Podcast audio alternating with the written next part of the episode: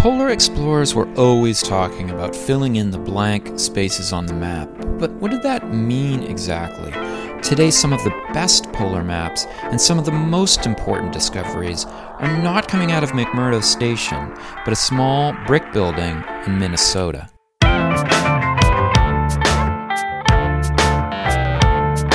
It's time to eat the dogs. I'm Michael Robinson.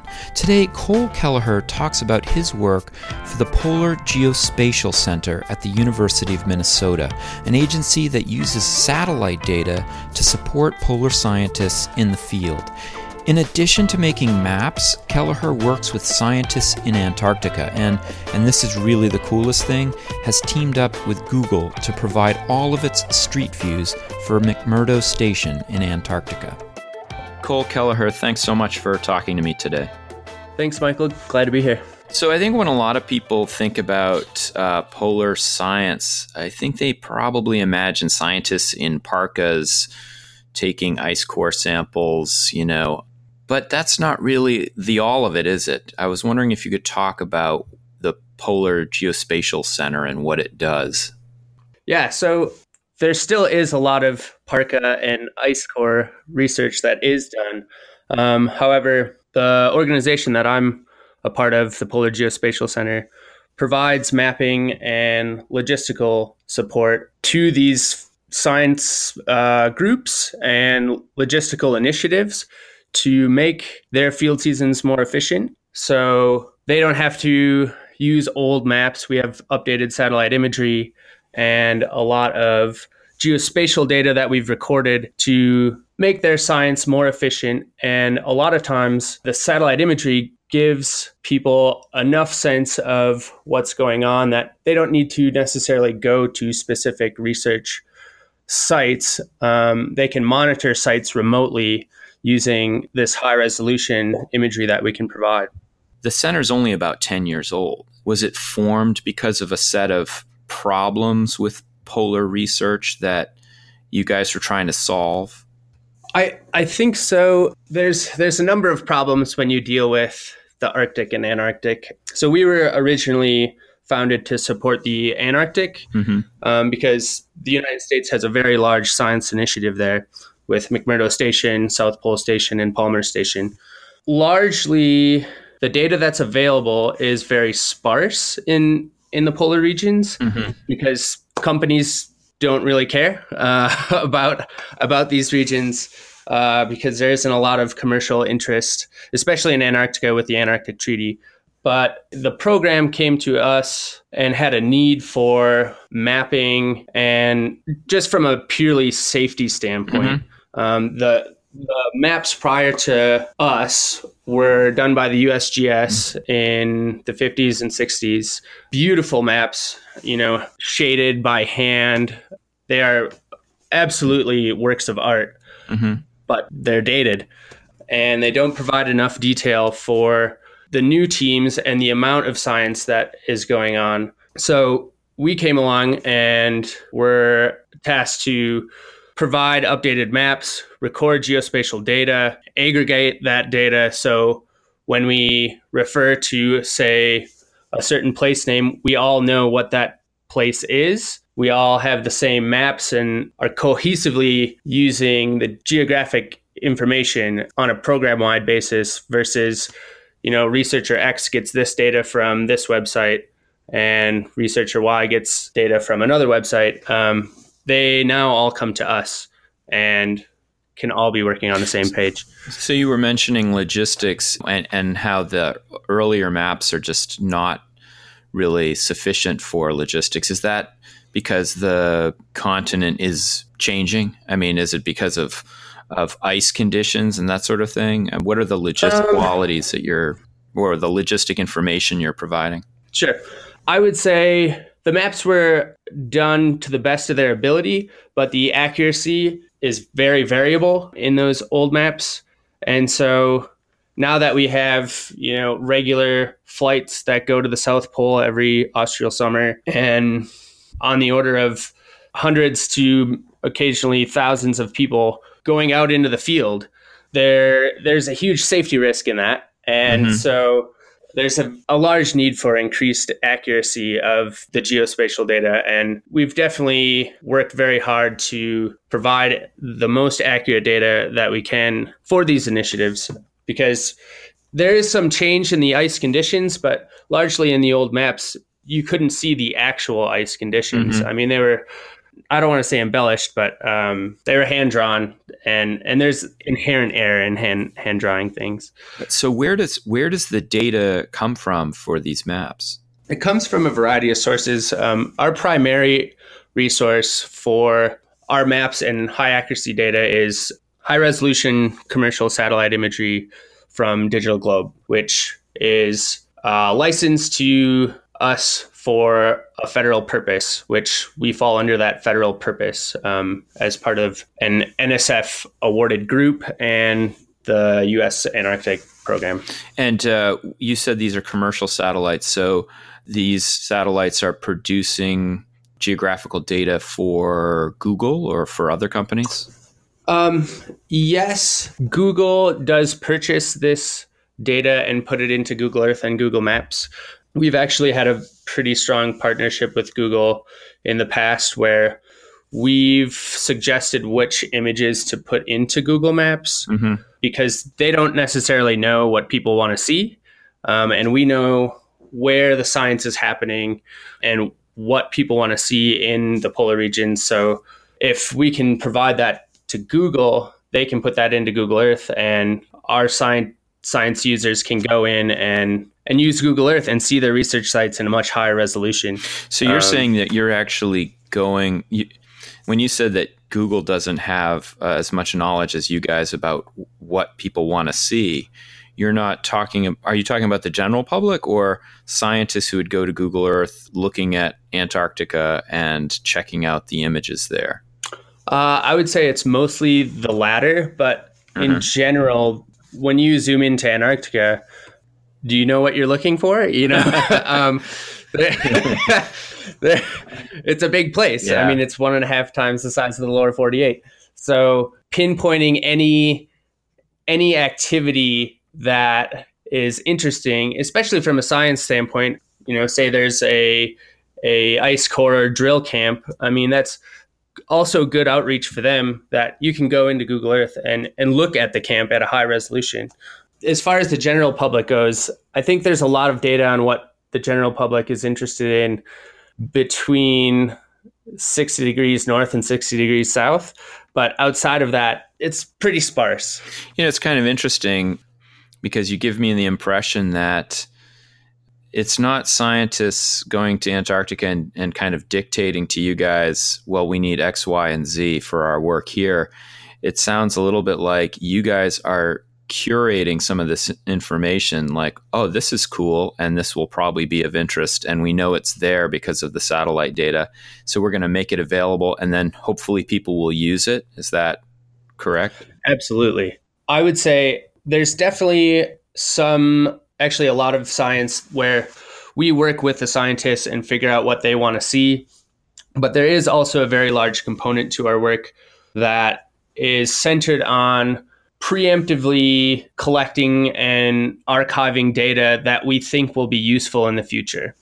Specifically, I would say in the Arctic, a good example of that is any coastal area and populated place in the Arctic. I mean, we we are actively trying to collect data over the populated places in the Arctic because those are the communities as the climate continues to change that will be on the front lines and will change first um, likely so we're actively trying to create an archive of of data so when change does occur we have the before same thing with um, outlet glaciers in Greenland and Alaska and um, the Antarctic as well.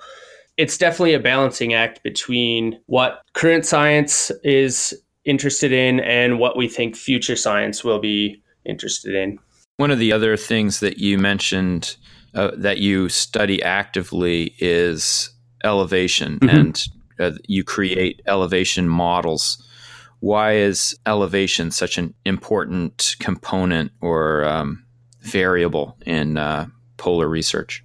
Yeah, so I think just to back up on on elevation, in the polar regions, historically, there's really, really bad elevation data mm-hmm. because of these areas are so remote. So, why it is so important is a lot of science that depends on topography and and how the landscape is shaped doesn't have a good digital model to work off of in these areas. So, for example, the Arctic DEM that we've been working on is a two meter resolution elevation model for the entire Arctic above 60 degrees north. DEM meaning a digital elevation model. Yeah, yes. That's a huge improvement as far as the resolution. There are areas in the Arctic that have been mapped at greater resolutions using airborne LIDAR and other sensors, but this is a Arctic wide. It's a very, very huge area. Um, and we're doing something similar in the Antarctic. And this information is really important because, like I said, the, the previous elevation models are, are very poor at best. And this gives you so much more information about the topography that isn't necessarily visible in the satellite imagery.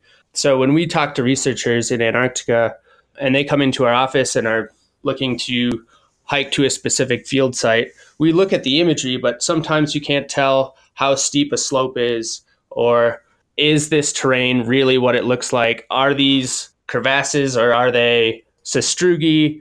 Uh, and th- this gives us a little bit more information about what the topography is actually like and what they'll be seeing in the field. And I can imagine that elevation data would be really important for people studying climate change if, if you're concerned about melting ice. Absolutely. Is that the primary scientific motive for collecting this data, or are there other kinds of projects? That's definitely a, an important one, but there there's a variety of different projects.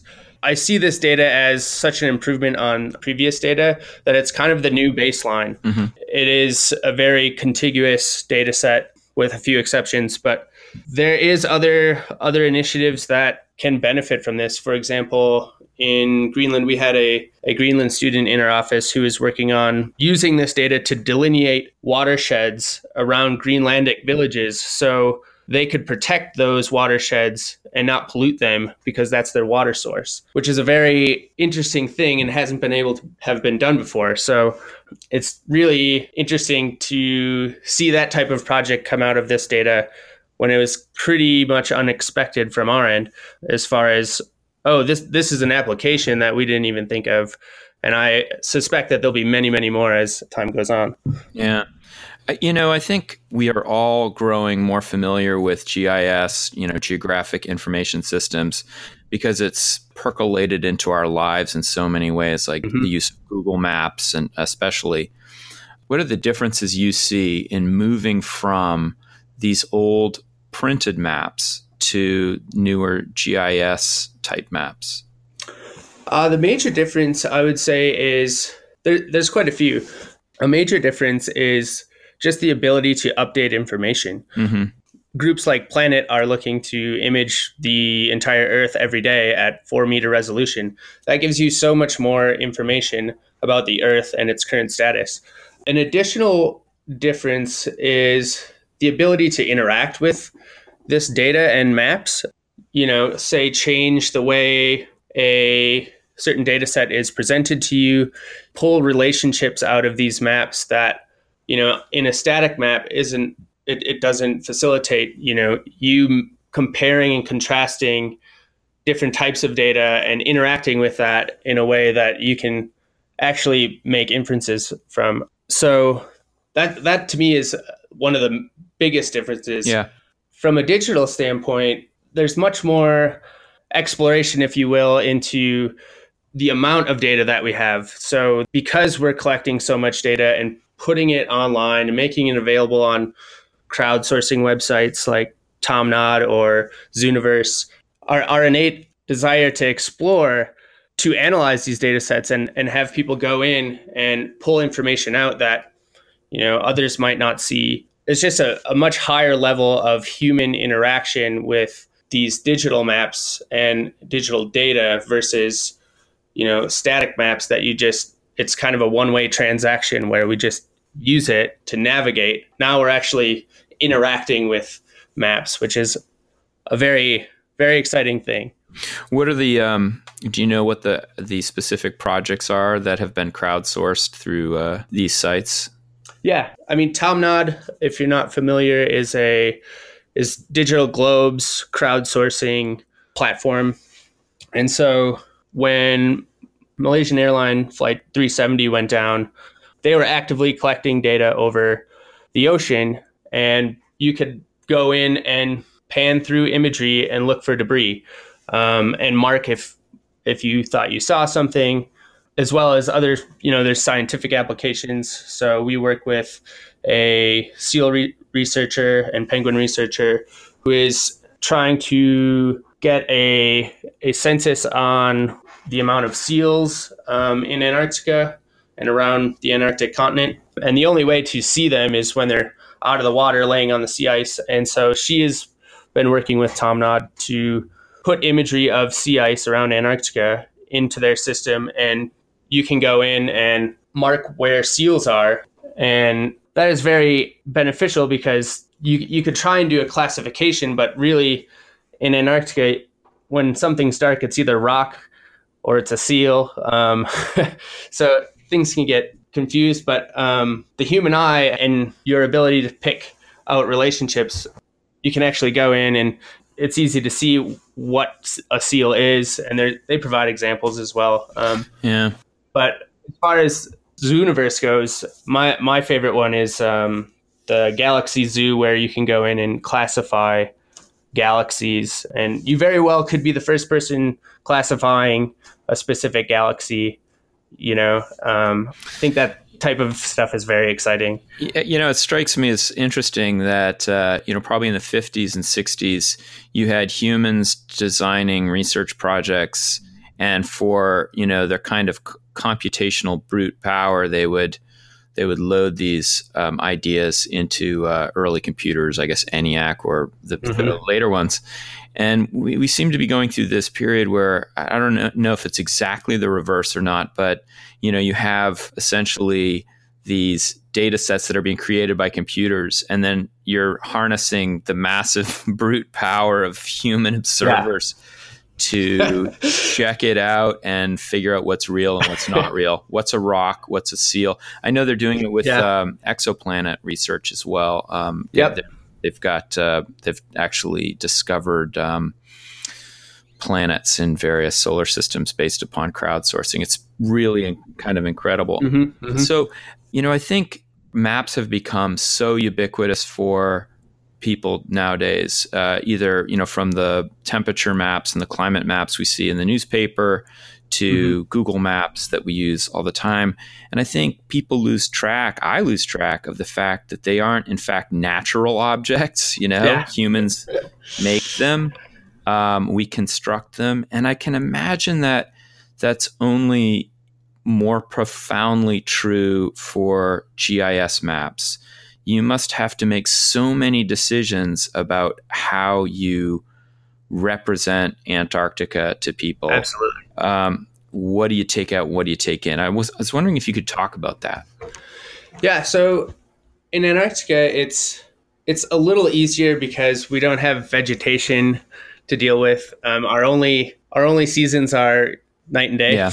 um, or winter and summer, and so in large part, the the surface is what it is. Uh, there, there's no disputing that, and so in a way, we're lucky in that respect because we don't have to make as many of those decisions on what to keep in, what to keep out. But as with any map design, you have to think about how you're going to represent your data, whether you're going to use a certain color ramp to represent something. You know, we go through this all the time where you know red is associated with bad, green is associated with good. Mm-hmm. And so there's a lot of design uh, consideration that goes into any map. Most of the maps we make these days have satellite imagery as the base map. So it's in the background. So we don't have to make those types of decisions of am I going to show ice fields and geology we just use an image to make it look a little bit more realistic. Yeah. Um, You, uh, I remember seeing the talk that you and Claire Porter, uh, a remote sensing scientist who works for uh, the Polar Geospatial Center, gave at the Library of Congress. I guess this was four or 5 mm-hmm. years ago. And you guys were talking about some things that you saw in Antarctica that no one has seen before, even people on the ground. I was wondering if you could talk about that. Yeah. So the things that we're able to see are obviously largely a part of commercial satellite imagery, but we're able to see glaciers that are calving or changing without having a human there and able to monitor those changes. There, there is a limit to our ability to perceive things in the field, right? We only have an awareness that goes so far. And so using satellite imagery, it's it's really interesting that we can kind of have eyes on things all the time. Mm-hmm. Specifically in let's say Greenland, there's a lot of changes that are happening on the Greenland ice sheet, and we're we've been able to actively see and monitor subglacial lakes that are collapsing and then filling back up with water, pushing the ice sheet back up, which is a very interesting phenomenon that no one's recorded in the field. I remember you saying that you have these sometimes quite massive lakes that form on the surface of glaciers and then suddenly yeah. disappear. Is that correct? And so where's all the water going? Uh, it's going down underneath the ice sheet. So what happens is a a hole forms. It's called a moulin, and the water drains and it goes under the ice sheet. And there's a lot of science going on that is trying to understand what that does to the ice sheet. Does it provide lubrication to speed up the glacial pace or flow? Does it stay down there? Is it feeding out into the ocean and contributing to sea level rise? Um, so there, there's a lot of questions on what actually happens to that water, and a lot of research that's being done to try and answer those questions, which is really interesting and exciting because understanding the glacial dynamics is very important for us to understand how these ice landscapes are changing and will contribute to changes around the world that we see in the future. Yeah. You know, um, one of the questions that preoccupies a lot of people interested in exploration, you know, from the Explorers Club all the way through uh, NASA, is what does exploration actually mean? Is you know, does it mean that you stick a human in a suit and you go somewhere? Um, you know, boots on the ground, flag planting. Uh, that's certainly what we've meant classically by exploration. But just all of the examples you've just given me from you know people hanging out in their living room crowdsourcing information about the number of seals in Antarctica that literally no one else has seen, or your own work seeing glacial lakes disappear remotely from your lab in Minnesota, although I guess you're in Boulder now. Mm-hmm. All of this makes me wonder, you know, do do you think we need to reappraise uh, what we mean when we say exploration? I think I think so, but I also think it's a definition that has changed over time and it has always mm-hmm. changed. Mm-hmm. You know, with the advent of bigger and better ships to, you know, land surveying equipment um, and navigation equipment. And now we're moving into an age where we're recording so much data that we are able to explore through that data. And I think recording is an interesting and important part to exploration. By recording, you mean um, the, the data data sets that you get from right data sets and and making a record. So for me, when I think about early explorers, what good is exploration if they don't record what they're doing? And in a way, we've expedited a lot of the recording process through satellites and GPS and automated weather systems and all of this technology is enabling us to record so much that now we kind of need to explore the amount of data that we're collecting and that's a that's a, a large problem for us in the geospatial field is is data storage in particular and and how, how do we analyze the massive amounts of data that we're we're receiving and i think that's happening a lot in just regular science as well but um, getting back to your question as far as how we use the word exploration, I do think it's always been kind of an evolving thing. And to me, it's it's more going into the unknown and and recording what we see and and discovering new things. And it doesn't necessarily have to be a geographical space in which we do that. Uh-huh. yeah. Uh, you know at this moment that i'm talking about you know all of this remote exploration i should point out that you have been in antarctica many times at mcmurdo. What were you doing there? Um, so we each antarctic field season which runs between august and february or march depending on how long you stay there but we, we staff an office in McMurdo to provide on site geospatial support to the science teams and logistics folks there, largely from, from the standpoint that the bandwidth doesn't allow us to send a lot of data uh-huh. down there. There's a large time difference between there and here.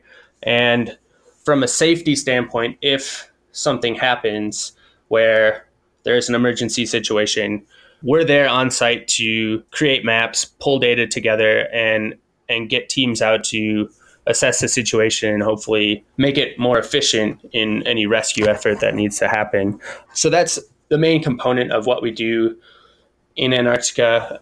in the past, I believe it was 2011 and 12 and 2012, 2013, we were lucky enough to get a Google Trekker on loan from Google and approval from NSF to collect Google Street View in McMurdo, um, around McMurdo, and then in the McMurdo Dry Valleys as well, which was a really amazing experience. Pretty much all of the uh, street views for Google you've you've personally created, yeah, right? Um, around McMurdo Station. If you go, I think there's some areas on the peninsula and Palmer Station side that are in Google Earth as well. But um, in the McMurdo Dry Valleys, yeah, that that is all me walking, um, which w- was amazing, but a lot of work. yeah, they're they're awesome views. I'm going to put make sure that we put up a link to your um, to your street views of Antarctica. They're really spectacular.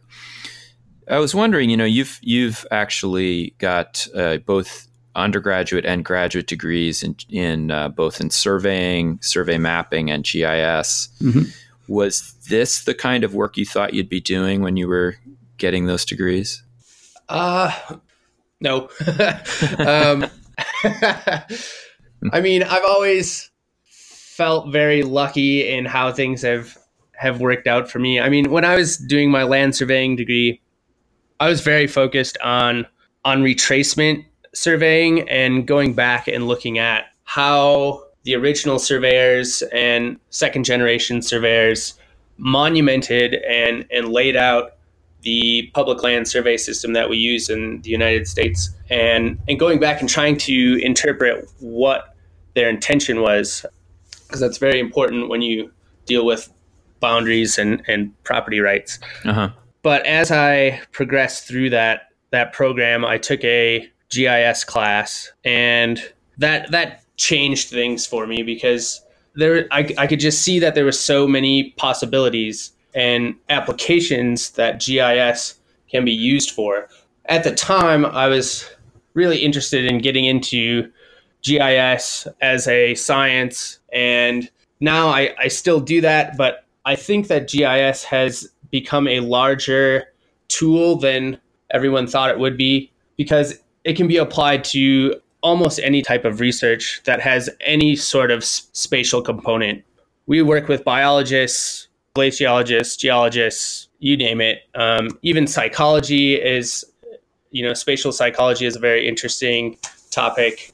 So as I moved into my graduate degree, I didn't expect to be doing any sort of polar work, but I needed to fund my education somehow. So I applied for a research assistantship uh, at the Polar Geospatial Center and was lucky enough to become a part of the group. And ever since then, I've fallen in love with the Arctic and Antarctic because when I first got the job, I, I hadn't even thought about the Antarctic or Arctic hardly at all in my life. And and having that awareness that most people don't think about it made me very interested in it and want to really work to improve the data that's there and maps and and see what's going on in this region of the world that, you know, most people don't think about it even on a monthly basis. Yeah.